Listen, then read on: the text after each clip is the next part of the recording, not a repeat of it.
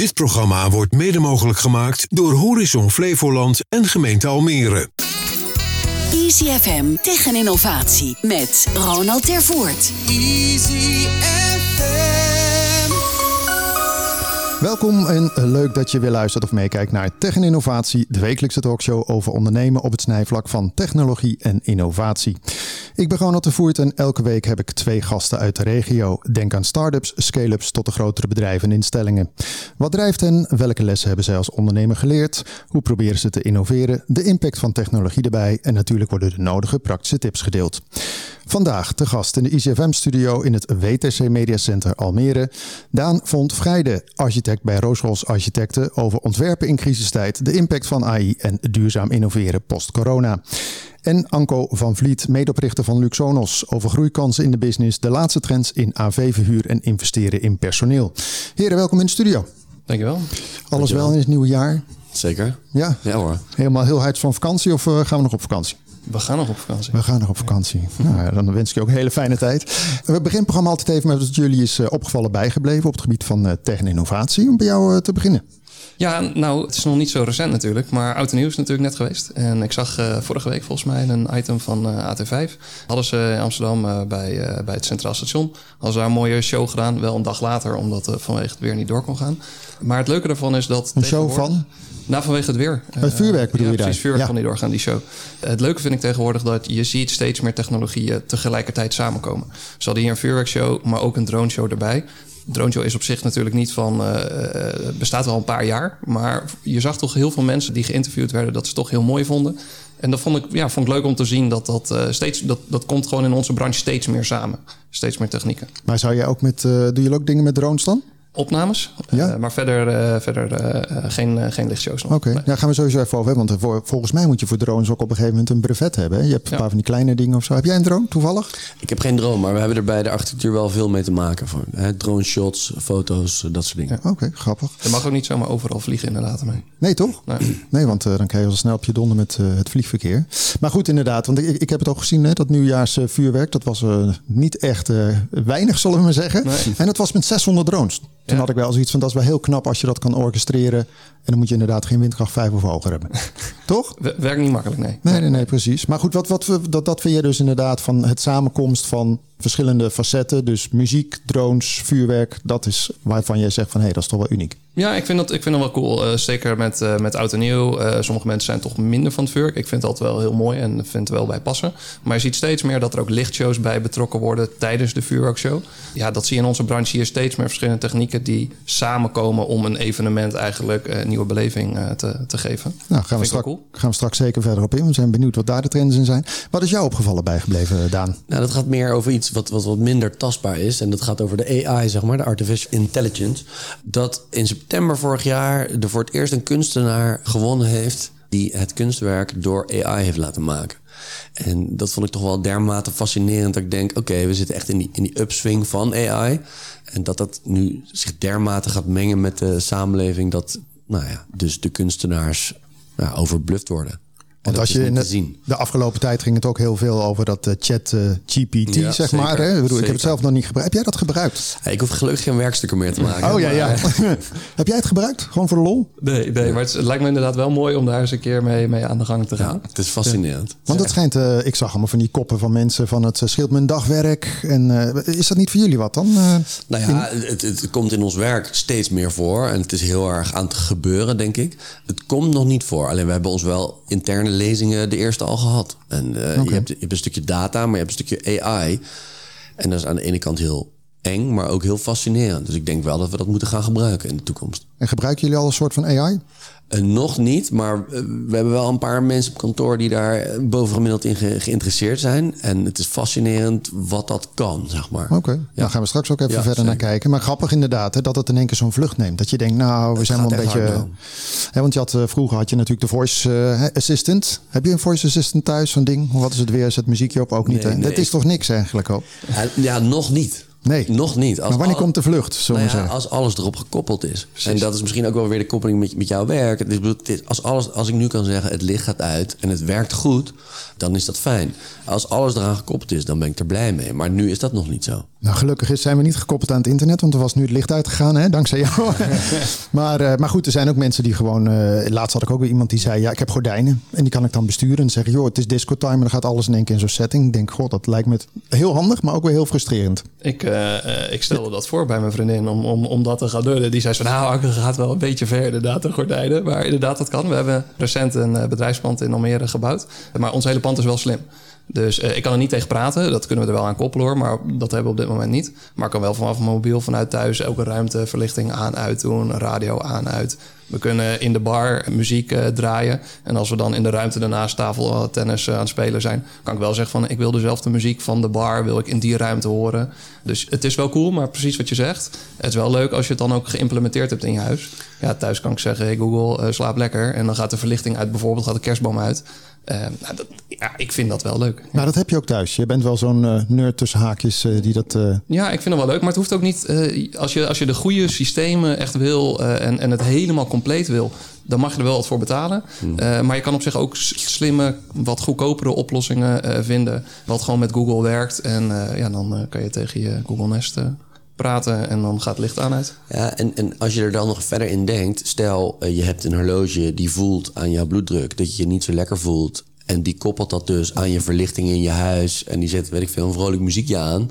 Snap je? Als je er nog veel verder in gaat, dan zou het denk ik wel heel... En ik denk dat we daar ook over vijf jaar wel zijn. Alleen nu is het nog een beetje gefragmenteerd gewoon. ja. Het werkt ook wel verslavend hoor. Dat geloof Want ik. op een gegeven moment dan hebben we dat in het pand en gaan de verlichting en eh, kom je een, een bepaalde ruimte binnen, gaat automatisch eh, muziek aan. Eh, op een gegeven moment denk je toch van ja, ik wil ook dat die tv gewoon automatisch aangaat en ook weer uitgaat. Want het is ook gewoon uiteindelijk wel een besparing van je energiekosten als alles gewoon lekker slim meewerkt. Maar ja, jullie zitten in AV verhuren, of, om het even plat te slaan. Maar dan, dan ga je natuurlijk dingen uitproberen die on the edge zijn. Maar daar komen we zo even op. Ik, ik wil even bij jou beginnen, Daan. Je bent, eh, zoals ik al zei, architect bij Roosros Architecten. In Almere hebben jullie een soort van semi-bekendheid met een toren die jullie hier vlak bij het WTC mogelijk eh, gaan bouwen. In ieder geval, jullie hebben het al ontworpen, het oude beursgebouwenterrein, wat in 2021 is gesloopt.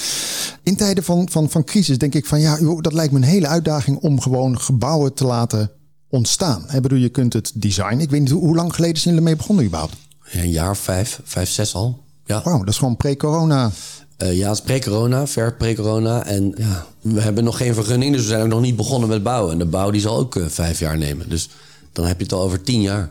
Maar hoe doe je dat dan als architect, vraag ik me dan af. Hè? Je hebt net een nieuw pand, eh, hè? nou oké, daar hang je allemaal slimme dingen in. J- Hebben jullie zo'n vierkant eh, blokkendoos-pand of is het een... Er zit een mooie ronding in. Oké, er zit nog rondingen. Maar als je kijkt naar, naar panden, ik bedoel, vijf jaar geleden was de wereld toch eventjes heel wat anders dan nu. Ja, ja. Hoe ga je daarmee om dan? Is het dan een kwestie van we hebben het ontworpen en we moeten gaan schrappen? Dat denk je dan meteen? Of ja, dat lijkt me wel de, de challenge. Dat is een vraag en die heeft heel veel lagen, denk ik. Want omdat bijvoorbeeld nu de prijzen veel hoger zijn... of eh, nou, er zijn heel veel uitdagingen in onze wereld eh, momenteel... kan je erover nadenken om te gaan herontwikkelen van je eigen plan. Alleen, dat kost weer tijd, dat kost weer geld. En daar bedoel ik mee, misschien dat er tien, ja, vijf jaar geleden... andere woningen interessant waren dan nu. Dus die snelheid... Ja, die kan je in dat soort grote projecten niet altijd hebben. Dus het voordeel is, als je bijvoorbeeld kleinere projecten hebt... met tussen de 10 en de 100 woningen... kan je daar iets, omdat het proces veel langzamer is... of tenminste sneller is, korter is... ja, kan je daar beter op inspelen. Ja, want hier komen iets van eh, 900 nog wat Ja, eh, ja, appartementen. ja, en dan van sociaal tot, tot hoog eh, segment. Maar dan nu, hè, jullie hebben nog niet de vergunning rond, et cetera. En dat hoeft ook verder ook niet verder nog een betoog. Maar wel dat ik denk van duurzaamheid. Hè? Want je ziet steeds meer gebouwen met zonnepanelen aan de zijkant, Ja. eh, mos op het dak. eh, ga maar door. Ja. Is dat iets waar je al vijf jaar geleden mee bezig was vanuit de Roos Ros? Eh, ja, zeker. Ik geef altijd het voorbeeld dat eh, tien jaar geleden was het bijzonder als je eh, zonnepanelen op je dak legde. Hè? Daar won je echt wedstrijden mee. Ja, nu is het standaard. En daar heb je steeds, ja, nu is, is bijvoorbeeld houtbouw is zo'n ding. Zo heb je steeds wel van die, van die periodes van vijf tot tien jaar. Ja, van het wennen aan iets nieuws. En nu, ja, duurzaamheid neemt net zoals bijvoorbeeld AI, neemt duurzaamheid echt een, echt een, ook een upswing. Omdat ja, onder andere de oorlog in, in Oekraïne hè, maakt mensen veel bewuster. Eh, de coronapandemie, we moeten, niet, we moeten niet afhankelijk van anderen zijn. Dus het goede van die dingen, hè, want er zit heel veel slechts aan. Het goede van die dingen is dat mensen veel bewuster worden en dat die dingen ook veel sneller gaan. Maar je zou zeggen dat bijvoorbeeld vandaag de dag met de congestie op de elektriciteitsnetwerken, dat bijvoorbeeld zelfvoorzieningheid qua uh, panelen, mm. of je hebt tegenwoordig ook al geloof ik doek of zo met, met zonne, mm -hmm. zelfs verf geloof ik. Ja, maar goed, klopt. dat gaat misschien wel heel ver. Dat kan je allemaal doen. Ja, en dat is relatief simpel. Ja, klopt. En dat gebeurt dus ook steeds meer. Maar ga je dat ook, is dat ook voor zo'n hoog pand? Hè? Bij mij om de hoek zit ook zo'n hoog pand en dan zie je niet eens dat zonnecel op zitten, behalve als de zon schijnt. Dan denk je, oh ja, wacht, mm-hmm. dit is een beetje een gekke buitenkant. Mm-hmm. Maar ik vind dat wel heel knap. Nou ja, het is ook heel knap en het, het gaat ook steeds verder. Het nadeel van een groot pand, in dit geval wat hiernaast komt, is dat je kleine daken hebt. Hè. Een, een, toren heeft kleine daken. Dus kan je weinig panelen op kwijt. En er moet ook nog een glazenwasinstallatie op en allerlei installaties en dat soort dingen. Dus eh, de uitdaging bij zo'n pand is wel van oké, waar gaan we dan de energie vandaan halen? Waar gaan we dan? Uh, dat kan met bodemwarmte, dat kan met nou ja, eh, PV-panelen in de gevel. je kan er ook voor zorgen dat je bijvoorbeeld niet zoveel energie nodig hebt. Hè? Dus in het voorkomen van dat je veel energie nodig hebt. Dus beter isoleren, dat soort dingen. Ja. Dus dat, dat is al heel lang gaande, maar het neemt echt een vlucht. En de overheid gaat er ook steeds meer in nou ja, wetten in maken, zeg maar. Ja. Dus je, je had een reminder in je telefoon gezet, uh, Anko. Een hele goede vraag. Hebben jullie uh, houtbouw of zo? Doen jullie daar ook aan in je nieuwe pand? Of is dat gewoon een, uh, is een bestaand pand waar je in bent gaan zitten met uh, nee, het, is, het is wel een nieuwbouw. Dus wat jij zegt inderdaad met dat het supergoed geïsoleerd is, et cetera. we hebben geen houtbouw gekozen. We hebben gekozen voor systeembouw. Maar inderdaad wel de zonnepanelen op het dak. Alleen dan loop je weer op dit moment tegen de volgende aan. het dak 16, 1700 vierkante meter zou ik helemaal vol willen leggen met zonnepanelen, duurzaam bezig zijn. Maar het stroomnet. ik kan niet meer dan 80 panelen op het dak leggen. Want anders, als we pieken hebben, ja, kunnen we dat niet terugleveren. dus dan... Ik dacht, jij gaat het hebben over de dakbelasting. Maar dit, dit is nu gewoon inderdaad het stroomnet. Ja, dat is toch eigenlijk, eigenlijk bizar. Hè? Ik hoorde ook eh, op de radio ook dat gewoon we hebben eh, zoveel nodig. Maar dat kan het ook allemaal niet meer aan. En, en er moeten 400 laadpalen bij, weet ik veel wat in de stad. Ja, Dat ik denk, ja, uiteindelijk is het, uh, weten we nu al dat het gewoon vast gaat lopen. Nou ja, en uh, het was vanochtend ook weer op de radio... dat dat het, het grootste probleem is. Want al die particulieren en bedrijven kunnen hun hele dak al vol leggen... en zelfs een hele gevel vol hangen. Maar ja, als het draadje niet dik genoeg is, laat ik het zo maar zeggen... ja, dat is wel een ding. En dan heb je het weer over de, hè, de, de stroomnetwerken... die zijn geprivatiseerd. Hadden we dat dan wel moeten doen? Ja. Maar ja, we moeten daarin vooruit gaan kijken. Jullie zitten zelf niet in Almere, hè? jullie zitten in uh, Den Haag. Als je dan even kijkt naar de... Ons kantoor zit in Oud-Beiland. Ja, ja, ja. Oh, sorry, ja, dat was ja. Oud-Beiland en Goes. Toch, dat ja, is het, hè? Ja, ja, precies. God, jongen, dat, daar komen we ook niet vaak in Zeeland, toch? Je, moet je er niet gaan wonen dan? Uh, nee. Oké, dat dan weer niet. Hey, maar als je even, jij noemde net houtbouw, hè? want je hebt een aantal van die hoge gebouwen tegenwoordig in houtbouw. En op de Floriade waren er ook verschillende. Dan spreek ik architecten daarover en die zeggen: ja, dat kan gewoon heel goed. Je kan ook echt de hoogte in. Ja, ik vind het, uh, het, het, voelt een beetje gek zou ik maar zeggen. Dat, dat je echt zo hoog kan gaan. Maar het is echt zo. Uh, ja en nee. Het kan. Alleen het gekke is, en dat is, dat is heel raar om dat hier zo uit te leggen. Als je een groot en een hoog houtgebouw maakt, dan is het gebouw te licht. Dus daadwerkelijk, de kilo's van het gebouw zijn te licht. Dus dat je, dit is wel een heel specifiek voorbeeld, alleen uh, dan moet je het gaan verzwaren, want anders, ja, waait het om. Dat is even heel plastisch. Bijvoorbeeld de hoogste toren nu, die staat geloof ik ergens in Noorwegen. Die is 90 meter hoog. En die ontwikkelaar wilde alles van hout maken. En uiteindelijk is daar een beton in gekomen. Omdat gewoon het gewicht niet genoeg was.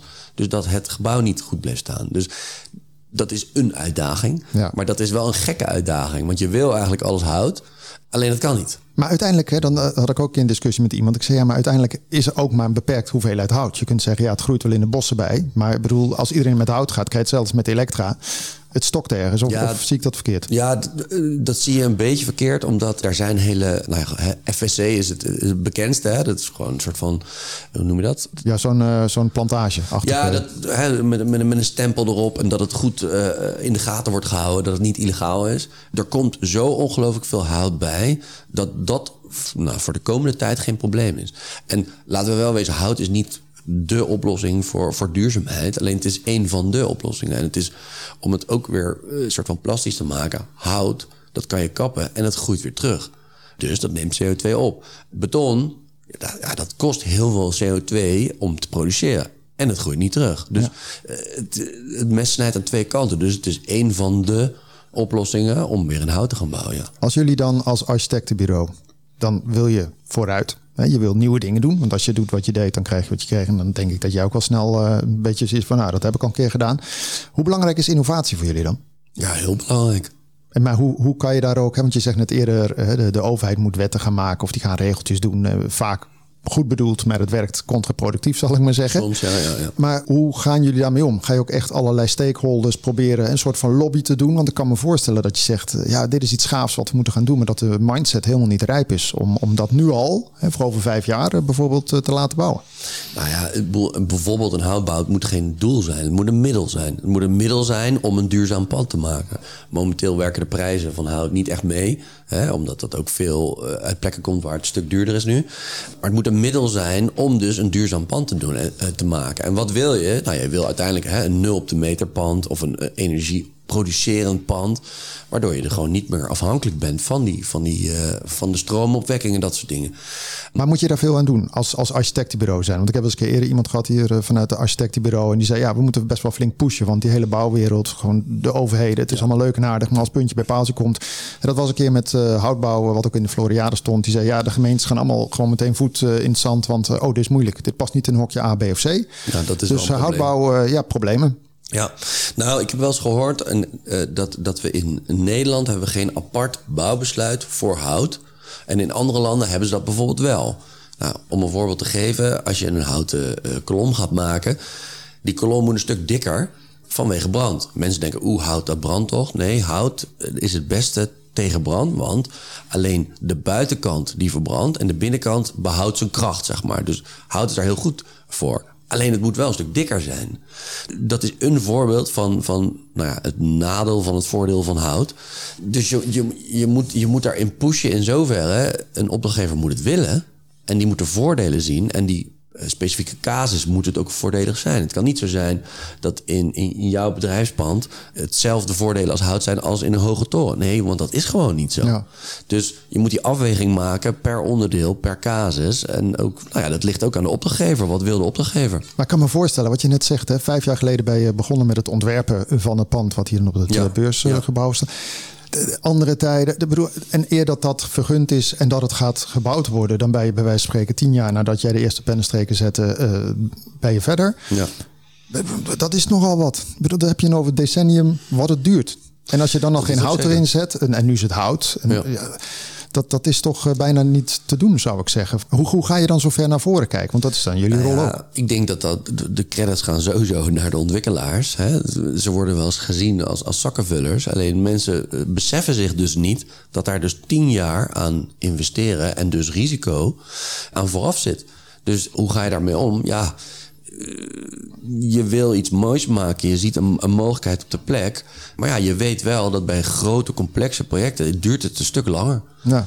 Eh, hoe ga je daarmee om? Eh, ja, toch proberen vooruit te kijken en daar, daar eh, nou ja, aanpasbaar op te bouwen, laat ik het zo zeggen. Op de Zuidas heb je zo'n ehm, gebouw, de Valley. Ja, Die eh, zag ik op een gegeven moment in de krant staan. Ken je die ook, ja. Anko? Dat is echt een gebouw. Aan de ene kant lijkt het echt een, eh, gewoon een standaard kantoorpand met glas. Maar aan de achterkant is een soort van rotsachtige constructie. En die zag ik toen in het echt. En toen dacht ik, wauw, dit, Ja, is, dit, is, dit, is, dit specially. Ja. Maar is mij zoiets ontwerpen? Want het, het leek wel alsof elk huis daar een, nou ja, een hele is. gekke kronkels. ja klopt, klopt. Is dat dan een pand waarbij je zegt, laat de computer me nadenken over hoe we dit in elkaar gaan zetten? Want het leek me echt, nou, ik dacht, dit is een soort apenrots. Dat is niet, niet te designen bijna. Nou ja, het is, het, het is sowieso alles is te designen, alleen het is niet heel erg standaard. Het Nee, het is niet, eh, copy-paste, zeg nee, maar. Eh, nee. Ik weet toevallig, eh, een collega van mij die heeft bij dat kantoor gewerkt, dus die weet toevallig dat bijvoorbeeld het patroon van de tegels, die moest zo perfect zijn. En daar hebben ze met de computer de plattegronden op aangepast, zodat dat patroon perfect in de gevel kwam. Ook dat, hè, ik ben niet de architect geweest, dus dat is een beetje een specifiek voorbeeld. Alleen daar is ook alweer data bij gebruikt om, om te kijken van oké, hoe kunnen we dat zo goed mogelijk, zo perfect mogelijk, in dit geval in de esthetiek, eh, naar buiten laten komen. Eh, maar goed, ja, elk vloertje is anders. Ik heb de bouwtekeningen wel eens gezien. Elk vloertje is anders daar. Dus dat, I- i- Is zoiets voor jou de, de ultieme job, zal ik maar zeggen? Is dat soort gebouwen die echt, zelfs als ze gebouwd zijn, nog beyond imagination eh, zijn? Als dat, ja, ook niet als doel, maar als middel. Hè, je, je, je, je, gaat niet zeggen, hey, ik ga nu eens eventjes een icoon ontwerpen. Dat, dat is niet zo. Je hebt wel opdrachtgevers die zeggen, hey, ik wil iets bijzonders... en het, eh, het moet mijn visitekaartje worden voor mijn, eh, voor mijn bedrijfsvoering. Ik weet toevallig dat ze daar wel eh, een heel bijzonder gebouw hebben willen maken. Maar dat is een, een competitie geweest. Er waren ook andere ontwerpen. En daar hebben ze deze gekozen. Ik denk wel dat ze er heel trots op mogen zijn. En dat ze toen dachten, hé, hey, we hebben iets moois in handen. Ja. Eh, maar goed, het, het is ook weer die combinatie met de opdrachtgever. Van, hé, hey, wil die dat? En op die plek, het is natuurlijk een fantastische plek. Versus kosten, versus van alles. Maar je zegt net ook, hè, op basis van data kan je natuurlijk tegenwoordig heel veel dingen berekenen. Je kan natuurlijk misschien ook berekenen dat je minder tegels nodig hebt. Want het is net zo gedesigned Zeker. dat je niet de helft hoeft weg te gooien. Ja, klopt, klopt. Hoe belangrijk is data voor jullie? Ja, steeds belangrijker waarschijnlijk, denk ik. Ja, heel, ja, dat denk ik zeker wel. Het, is enerzijds aan, aan de ontwerpkant, hè, want er is al zoveel ontworpen dat je met data veel meer nou ja, eh, bibliotheken aan kan leggen, zeg maar. Dus aan de ene kant zijn er nu tools die zeggen van... hey, je appartement is zo groot, eh, daar zit de gevel, daar zit de voordeur. Wat voor een driekamer appartement kan ik hierin maken?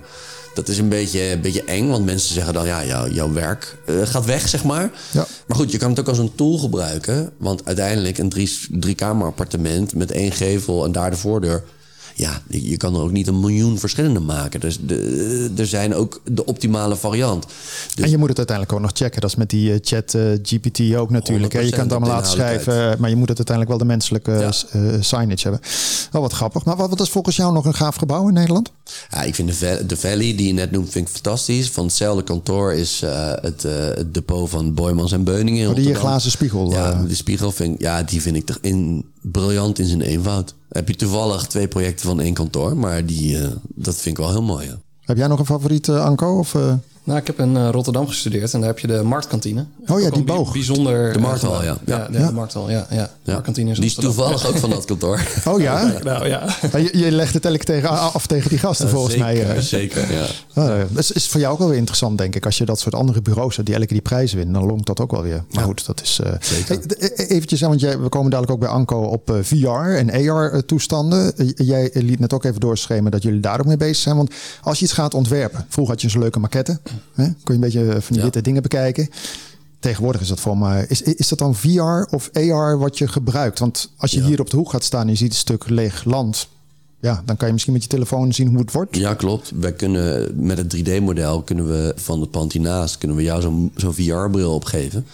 En dan kan je daar omheen of doorheen lopen. Het is echt fascinerend. Ik, ik zeg wel eens, als je dan op de bovenste verdieping staat op 100 meter hoogte. En in dat model teken je het hekje niet. En je hebt die bril op. Dan heb je meteen, voel je letterlijk in je buik van hé, hey, dat hekje is er niet. Terwijl je natuurlijk helemaal niet in dat gebouw zit. Maar dat gebruiken we veel voor opdrachtgevers om te kijken van hé, hey, hoe wordt het? Dus ja, dat gebeurt zeker. Dat is VR.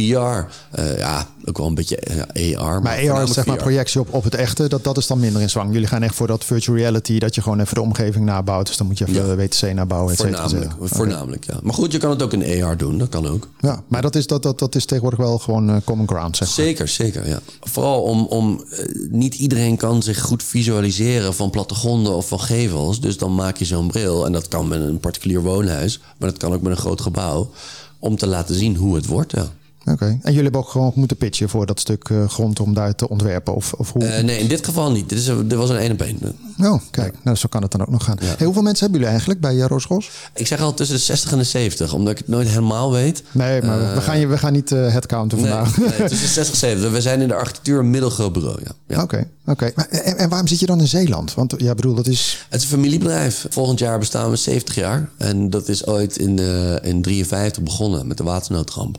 En de, de toenmalige oprichter heeft toen een kantoor opgericht. En dat bestaat nog steeds. Oh, wauw. Ja, ja. Maar is dat qua arbeidskrapte, zal ik maar zeggen, is dat een, een voordeel, nadeel? Heb je veel lokale mensen of komen ze uit het hele land die er werken dan? Eh, beide. Je moet, de lokale mensen, die kan je natuurlijk altijd lokaal werven. Maar we moeten wel wat harder ons best doen, omdat we niet in een grote stad zitten. ja, nee, maar ik bedoel, het kan zijn dat je zegt, we pakken alles uit de regio. Want daarna, bedoel, Zeeland voelt altijd ver weg. Maar dat, Nou, qua, qua, qua architectenbureaus heb je minder concurrentie in de regio. Hè? Als je in voordeel. Rotterdam of in, in Amsterdam gaat kijken, heb je er heel veel.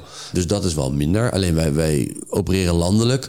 Dus ik, ja, ik denk niet dat het voordelen heeft dat we daar zitten. Qua personeel af en toe wat nadelen. Zitten jullie ook in België, Duitsland? Doen jullie ook klussen daar? Of is het alleen... eh, Toevallig niet nu. Oké, maar het zou kunnen. Het zou zeker kunnen. We hebben wel een paar buitenlandse projecten, maar niet, dat is niet de focus. En wat is je grootste uitdaging dit jaar? Nou, de vergunning voor het pand hiernaast krijgen, dat is wel een van de grootste Maar het zag er wel heel mooi uit. eh, online zag ik een Ik, aantal eh, tekeningen. We zijn er zeer trots op. We zijn er zeer trots op. Ja. Misschien, Nou, wordt, misschien wordt er meegeluisterd. ja. Dat zou mooi zijn. Hey Anko, jij gaat eh, naar Zeeland hoor ik net. Ook. Lijkt me leuk. Ja? Even voor jou, hè, want jij bent natuurlijk van Luxonos. Je hebt ook nog een aantal andere bedrijven, kom ik zo nog even op. Maar jullie zitten in, de, in die AV-verhuur. Ik denk dan altijd meteen, ja, je hebt allemaal equipment. Dat hebben concurrenten ook. Hoe ga je dan onderscheiden überhaupt? Goeie vraag. Ja, wij doen inderdaad deels doen we verhuur. En dat is echt letterlijk eh, iemand eh, die zegt ik wil een speaker huren voor een bepaald uh, tuinfeest. Voor opening van nieuw pand. Precies, voor opening van nieuw pand kan je bij ons zijn. Maar er zijn ook mensen die zeggen van goh, hè, ik wil mijn bedrijfscongres van A tot Z verzorgd hebben. En ik wil daar eigenlijk zelf niet over nadenken. En dan nemen wij niet alleen de equipment mee, maar ook het personeel wat het op en afbouwt, wat het technisch verzorgt, wat ervoor zorgt dat de muziek op de juiste momenten ingestart wordt. En verzorgt eigenlijk gewoon het hele technische verhaal van A tot Z. Maar waar zit dan het grote onderscheidend vermogen? Ik denk dan als particulier, denk ik, ja, iedereen heeft een, uh, een, een, beamer of weet ik veel wat. Is het dan nog technisch of is het gewoon de service? Dan? Uh, service, ja, zeker. Ja, want ik zeg ook best wel vaak tegen klanten van, joh, het, het ene lampje, of je nou het ene lampje of het andere lampje neerzet, jij zal het verschil uh, niet weten. Nee, jij misschien wel, maar jij zit misschien iets minder in dat vakgebied. Jij gaat niet zien welk lampje ik ophang. Uiteindelijk gaat het erom wat we ermee maken qua plaatje. De, daardoor krijg je referenties, um, word je één op één eigenlijk voorgesteld aan andere partijen. Maar ik zie het vooral ook in de service. Want zo'n lampje kan ook een keer kapot gaan. Als je kijkt naar uh, losse verhuurvraagstukken, de wat kleinere projecten die we daarmee oppakken. Daar kan heel makkelijk, kan er alleen al hier deze microfoon, kan het connectortje, kan er wat mis mee zijn. Nou ja, het is allemaal geen ramp. Maar als je de relatief kleine vraagstukken hebt, de, de particuliere markt waar we ook in werken, dan gaat het zo erg op de service 24-7 bereikbaar zijn. Uh, je kan proberen, maar je krijgt altijd iemand van ons aan de lijn. En uh, uiteindelijk staan wij daarvoor. En natuurlijk, uh, wij, wij, wij streven ook 100% perfectie na. Maar dat lukt niet altijd. En uiteindelijk kan je iemand veel beter helpen dat als er zoiets kleins dan bijvoorbeeld gebeurt, dat je dat veel fijner oplost. Of we werken met mensen en iedereen kan een foutje maken, kan een verkeerde kabeltje ja. meegeven of iets dergelijks. Maar als je dat gewoon oplost op een snelle, doordachte manier, dan heb je een klant voor het leven. Ja. En bij grote projecten die we eigenlijk uitvoeren, uh, kan je alles van tevoren eigenlijk voorbereiden. En zie je dat soort, uh, dat soort punten veel minder vaak voorkomen. Jullie doen zeg maar heel erg in de breedte, maar wat is dan het grootste stuk wat jullie doen? Is het dan beurzen, bruiloften? Gewoon events? Bedrijfsevents, dat is eigenlijk wel hetgene waar we ons uh, voornamelijk op focussen. En dat, dat kan dus inderdaad een, uh, een congres zijn uh, waarmee je eerst plenair begint, mensen in een, in een zaal. Dus spreken. je bent blij dat corona voorbij is, want dat, jullie business is denk ik heel erg corona gevoelig. Uh, corona was een interessante periode. Ja. Interessant, ja. dat is een mooi woord. Ja, nee, ja. zeker. Nee, we zijn toen uh, volop uh, gaan overschakelen naar livestreaming. We hadden al livestream apparatuur voor corona, alleen het werd toen vrijwel nooit ingezet, want de vraag was er ook niet. Uh, ja, toen corona kwam, konden we daar heel snel op, op overschakelen eigenlijk. En ja, dat, heeft er uiteindelijk wel voor gezorgd dat we uiteindelijk drie studio's hadden door het land heen. Amsterdam, Hilversum, Rotterdam. Wij hadden onze eigen klanten uh, die wij daarmee konden helpen. Maar we zijn ook redelijk goed vindbaar in, uh, in Google. En de partijen waarmee wij de studio's hadden, zeg maar, de locaties, die hadden ook weer hun klanten. Dat waren ook eigenlijk allemaal evenementenlocaties. En die hadden ook weer hun klanten die ze een alternatief konden aanbieden.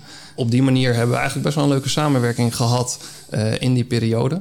Nou de reden uh, was natuurlijk uh, niet zo prettig. Maar onder andere door, door livestreaming zijn we die periode wel doorgekomen. Ja, dat was op een gegeven moment bijna een soort van hype. Dat iedereen maar ging streamen. Dat je op een gegeven moment, aan het begin dacht je leuk streamen. En op een gegeven moment dacht je jongens, geloof het wel. Hey, want ik, ik zag op jullie website namen langskomen zoals ADE, Gay Pride, 3FM en zo. Toen dacht ik, zijn dat de kerst op de taart? Of is dat een beetje de doelgroep waar jullie vooral in het, het, zijn uiteraard leuke, leuke namen en leuke projecten om daar aan, uh, aan te mogen werken. Deze week hebben we ook weer de videoopnames voor uh, Shimano bijvoorbeeld. Nou, ook mooi, uh, mooi merk. Wat is die, de fiets? Fietsonderdelen, ja, precies, ja. Okay. Um, en, en op zich, dat, dat zijn hele leuke, mooie evenementen om, om voor te mogen werken. Maar uiteindelijk maakt mij persoonlijk de naam of het, of het merk waarvoor je werkt maakt me niet heel veel uit. Het gaat ons om de beleving die we uiteindelijk creëren. En ik vind het vooral leuk als we uh, op een gegeven moment zo'n relatie hebben met de klant. Dat zij willen iets, ze hebben alleen geen idee hoe het eruit moet zien.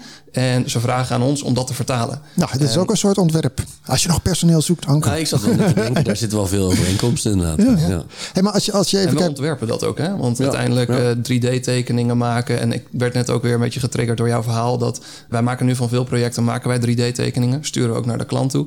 En toevallig hoorde ik gisteren van de jongens die bij het project bij Shimano zijn. Vroeg, joh, en eh, eh, wat, eh, wat, wat vindt de klant ervan? Eh, is, eh, zijn ze tevreden? Ik vond het eigenlijk mooier dan dat ze op 3D zagen. Oh. Maar uiteindelijk lijkt me leuk om dan op een gegeven moment ook locatiebezoeken te hebben met de klant. Dan heb je het project wel al voorbereid, heb je het al getekend. Maar dat ze inderdaad daar rondlopen door de ruimte. Ja. Eh, en dan bijvoorbeeld al, al kunnen zien wat er straks Ja, komt. ja. Nou, dat zijn dingen, dat, dat doen we nu nog niet. Maar dat, eh, Dat is goed mogelijk, dat is echt goed mogelijk. Precies, Ja, ja. ja. Je had het net eerder over eh, het vuurwerkshow bij de Ermtoren met, met drones en noem maar op. De- de- hoe- wat is jullie nieuwste innovatie, zal ik maar zeggen? Wat is de nieuwste hype, trend? Ja, we merken eigenlijk dat in onze branche eh, zijn er heel veel producten die continu eh, ge- gelanceerd worden. En, en soms zijn dat producten waar dan weer net een heel klein tintje eh, ver- vernieuwend in is. Wat jullie dan misschien niet direct zouden zien. Maar uiteindelijk merk je dat wel in Maar wat noemen ze iets concreets waar jij blij van wordt? Nou, waar ik blij van word is vooral efficiëntie en eh, optimalisatie. Ja, maar dat is vanuit jou, eh, eh, je bent zeker, zeker. medeoprichter. Maar Ja. qua, qua gewoon technische innovatie, Nee, dat je denkt, wauw. Nou ja, we hebben bijvoorbeeld verlichte dansvloeren. Die zetten we in bij, eh, ja, bij feesten, bedrijven. Oh, zo'n vloertje met verschillende kleuren. Een soort ja. flash dance. Oh, leuk. Exact. En die kunnen we van klein tot groot kunnen we die maken. Maar voorheen was dat altijd met, met kabels. Elke tegel optillen, kabel eronder. Zorgen dat die kabel niet onder een pootje komt, zodat die kabel dan beschadigd wordt. Ja, tegenwoordig hebben wij tegels die zijn magnetisch. We hoeven alleen een rand eigenlijk eh, neer te leggen. Daar gaat stroom en signaal doorheen. En vervolgens kan je heel snel, kan je eigenlijk zo die tegels plop, plop, plop, plop, plop, allemaal aan elkaar leggen. Het scheelt ons opbouwtijd. Maar er is ook minder kans op defecten met de tegel. En ja, dat zijn innovaties. Eh, de klant zal het wellicht niet zien, want het, is nog steeds een dansvloer. Maar ja, ik word daar wel blij van. Om, ja, je, hebt, eh, je hebt het over efficiëntie en ja, dat vinden we wel leuk. Nice. Je had het net even over dat je ook consument doet naast eh, business to business. Eh, Van waar de keuze dat je op beide zit eigenlijk?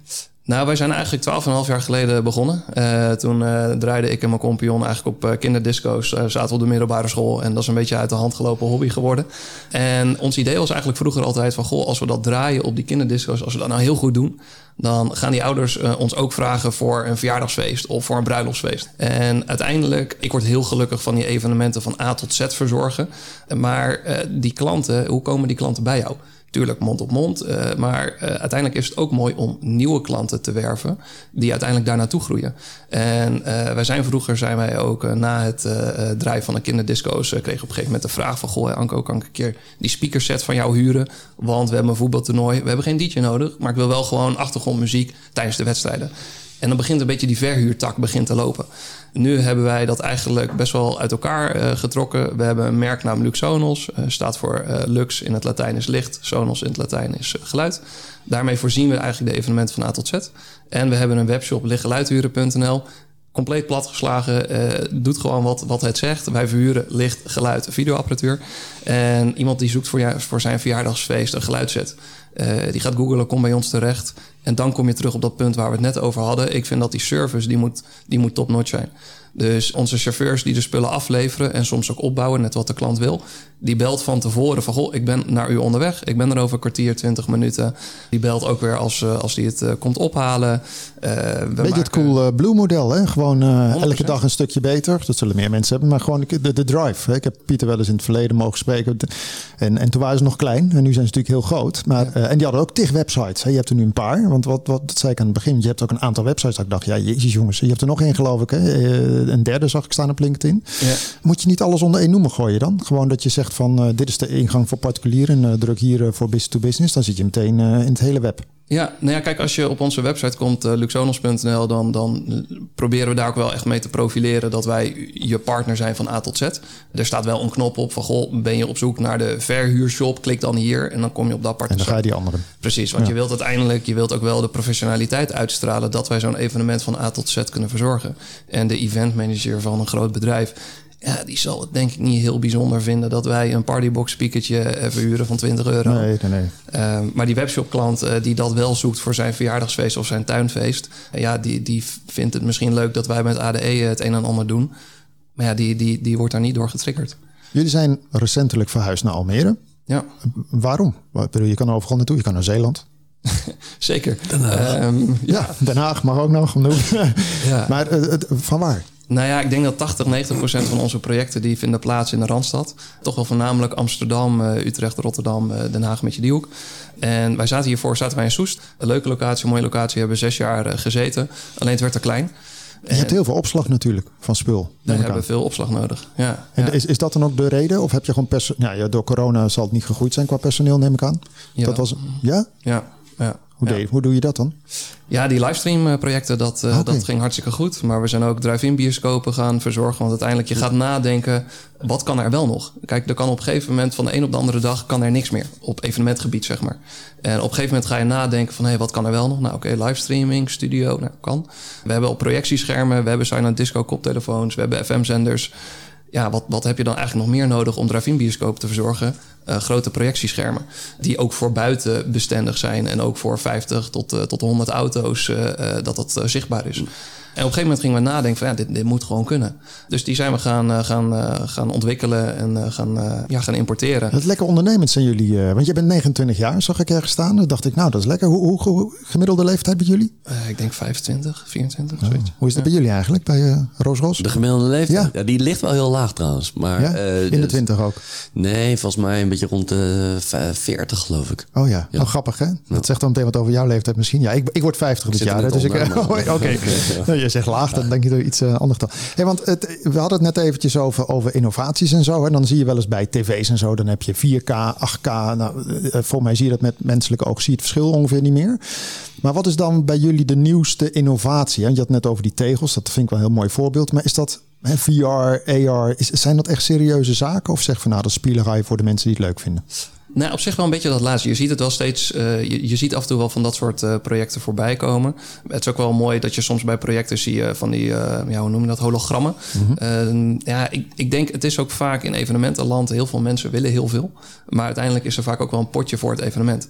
Als je echt de nieuwste dingen wil, is dat heel vaak niet echt heel haalbaar in dat budget voor het evenement. Dus ja, er komen steeds meer, meer innovaties en, en meer mooie technieken die gebruikt kunnen worden. Wij kijken vooral ook vaak naar. eh, ik vind het heel belangrijk dat de spullen die wij aanbieden, dat die prijskwaliteit interessant zijn. Want uiteindelijk, we moeten ook mm, als organisatie zijn, dan moeten we gewoon kunnen verdienen en, en kunnen groeien.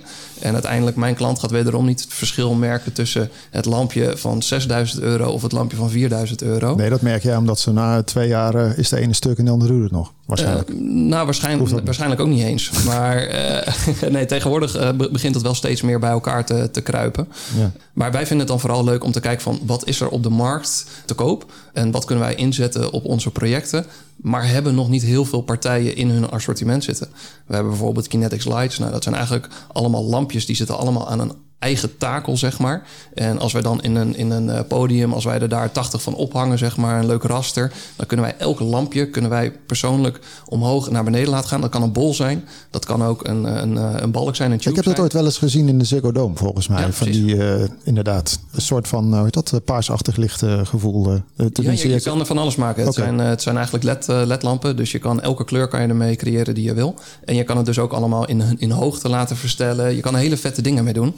Ja, die hebben wij, geweldig in timing was dat. Die hebben wij denk ik eh, in maart 2020 hebben wij eh, die opgehaald. Toen was dat met, eh, met het schip eh, binnengekomen. Ja, dat kon toen eh, redelijk direct eh, de stelling in. En eh, twee jaar later kon je dat uitpakken. Want Ja. door corona kon we niet inzetten. Maar je had het wel binnen. Dat scheelde We weer. binnen, Want ja. daarna werd het heel langzaam. En nog eh, twee dingen waar ik even naartoe wil. Is eh, allereerst je personeel. Want hoeveel mensen had je nu? We zitten nu met ongeveer 38 man. Nou, dat is ook nog lekker. Want hoe hou je al die mensen bij de les qua... Ik bedoel, technische snoertjes. Je, je moet dit programmeren wat je net vertelt met dat eh, Kinetic Lights lijkt me. Het zijn heel veel dingen. Ja. Het is niet, eh, kijk, in jouw vak heb je natuurlijk ook dat heel veel dingen veranderen. Maar het gros blijft volgens mij hetzelfde. Het is kennis en kunde over ontwerpen. Maar hoe, hoe doe jij dat? Moeten mensen op cursus? Zeker, ja. ja. Ehm, het is natuurlijk, want dan kom je ook weer een beetje in het stuk van eh, personeel en eh, arbeids, eh, de, de krapte op de arbeidsmarkt. Wij vinden het belangrijk dat mensen, de meeste tijd van je leven ben je aan het slapen. En de tijd daarna is voornamelijk toch wel aan het werk. En ik vind het heel belangrijk dat hetgene wat je doet qua werk, en of dat nou bij ons is of elders, dat moet je leuk vinden. En mensen vinden het uiteraard belangrijk om doorgroeimogelijkheden te hebben. En wij vinden dat ook belangrijk. En daarin hebben wij interne uh, opleidingsprocessen eigenlijk opgestart. Of daar zijn we eigenlijk de afgelopen anderhalf jaar zijn we daar nu mee bezig. Begint nu echt wat, wat, wat te worden. Een soort academy. Precies, ja, exact. Want uiteindelijk, jongens, die, eh, jongens en meiden die van de opleiding komen, die zijn vaak heel gemotiveerd. Maar die moeten gewoon uren maken. Die moeten gewoon ervaring opdoen en die moeten ermee bezig zijn. Maar wat voor opleiding doen ze dan? Ze doen veel al uh, bij de bij ROC-opleiding, podium evenementen, techniek, niveau 4, niveau 3, niveau 4. En zijn vaak hele gemotiveerde jongens en, en meiden. Alleen, ja, uiteindelijk op de school leer je veel al de theorie. En we krijgen ook best wel vaak terug van de stagiaires dat ze op de praktijk leer je eigenlijk pas echt ermee ja. werken. Nou ja, dat is bij ons natuurlijk uh, niet anders. Dus als wij nieuwe producten kopen, dan maken wij daar enerzijds voor onze webshop klanten maken wij daar instructievideo's van zodat onze uh, supportafdeling ook minder belletjes krijgt. In die instructievideo's, nou ja, je weet precies hoe je moet gebruiken. Maar ook onze nieuwe mensen die erbij komen... of de mensen die wellicht nog wat minder ervaren zijn... kunnen ook weer die instructievideo's gaan kijken van... hé, hey, hoe kan ik dit product gebruiken? Werkt ja. heel goed ook. Ik kom nog even bij terug, maar eh, bij jou eh, Daan. Als je kijkt, als je iets gaat ontwerpen... Hè, want we hebben het nu over digitaliseren. Hè, over beginnen over, over gordijnen die open en dicht gaan en lichtjes... Is dat qua ontwerpen, maakt dat dat ook heel anders? Dat dat soort, het is vaak draadloos, maar goed, heeft het invloed op het ontwerpen? Al die nieuwe technieken die mensen in huis willen hebben. Dat je zegt, ja, als we daar een hele dikke muur doen, dan uh, komt de wifi er niet doorheen. Ik noem maar wat. Nou, dat denk ik niet zo heel erg. Je wil natuurlijk, uh, als je bijvoorbeeld je, gordijnrails die automatisch is en er gaat waarschijnlijk een soort robotje overheen. Ja, wij als gekke architecten willen natuurlijk dat die rails mooi weggewerkt is en dat dat robotje dan niet uh, tegen een kolom aankomt, bij wijze van spreken. Dus ik denk dat die systemen, uh, los van de bekabeling en, en de, de, zoals je dat noemt, dat dat op het ontwerp niet heel veel invloed heeft. Nee. Vind ik altijd ook mooi. Hè? Ik ging laatst een huis redesign, of in ieder geval laatst een project van een jaar met, met van alles nog wat. Maar dan zie je altijd fotootjes online zonder, zonder uh, stroom. Hè? Dan ja, heb je een lamp ja, gekocht en denk je, oh ja, shit, er zit er nog uh, een strook aan. Dan denk ik, ja, hoe kan je dat nou? Dat zou lekker zijn als je dat makkelijk kon wegwerken in je huis. Hè? Niet dat je moet, bij de bouwer moet bedenken, ik moet iets vrezen of zo. Ja, ik heb dat... altijd een hekel aan, aan, dat je een flatscreen hebt en dat kabeltje eronder hebt hangen. Maar thuis heb ik het allemaal weg laten werken. Alleen ja, dat kost extra tijd en dus geld. ja. Even uh, nog Anko, als je het hebt over al die equipment die jullie hebben. Ik heb zelf in tv gewerkt. Uh, voordat je het weet nam iemand bij wijze van spreken snoertje X mee, cameraatje Y. ik heb Domino D gedaan, 300 man personeel, 150 man technisch. En er waren op een gegeven moment dingen kwijt. Toen bleken er ook mensen tussen te lopen die niet bij de ploeg hoorden. Hoe doe jij dat? Want je bent op locatie en dan in één keer bij je een paar van die kabeltjes bij kwijt. Ja, precies ja, kabeltjes kwijtraken. Oh, je herkent dat, het wel meteen. Ja, uiteraard, uiteraard. Ja, ja. En, en uh, het is ook wel eens een keer zo dat klanten bij ons hun spullen ophalen, brengen terug. En inderdaad hebben nog een kabeltje thuis ergens liggen. Wij zijn daar eigenlijk nu uh, best wel mee bezig om dat uh, verder te digitaliseren. We werken al met een verhuursysteem waarin wij alle projecten hebben staan en waarin het magazijn ook zo'n project ziet, kunnen zij met een scanner kunnen zij eigenlijk al die producten uh, kunnen ze zien van goh, ik moet dit allemaal pakken. En zij boeken dat eerst naar uh, prepped, dus eigenlijk dat ze het klaargezet hebben. Daarna komt de klant, dan boeken ze het naar uh, op locatie of het gaat onze eigen auto's in, boeken ze het naar locatie. En voor terugboeken doen we precies hetzelfde.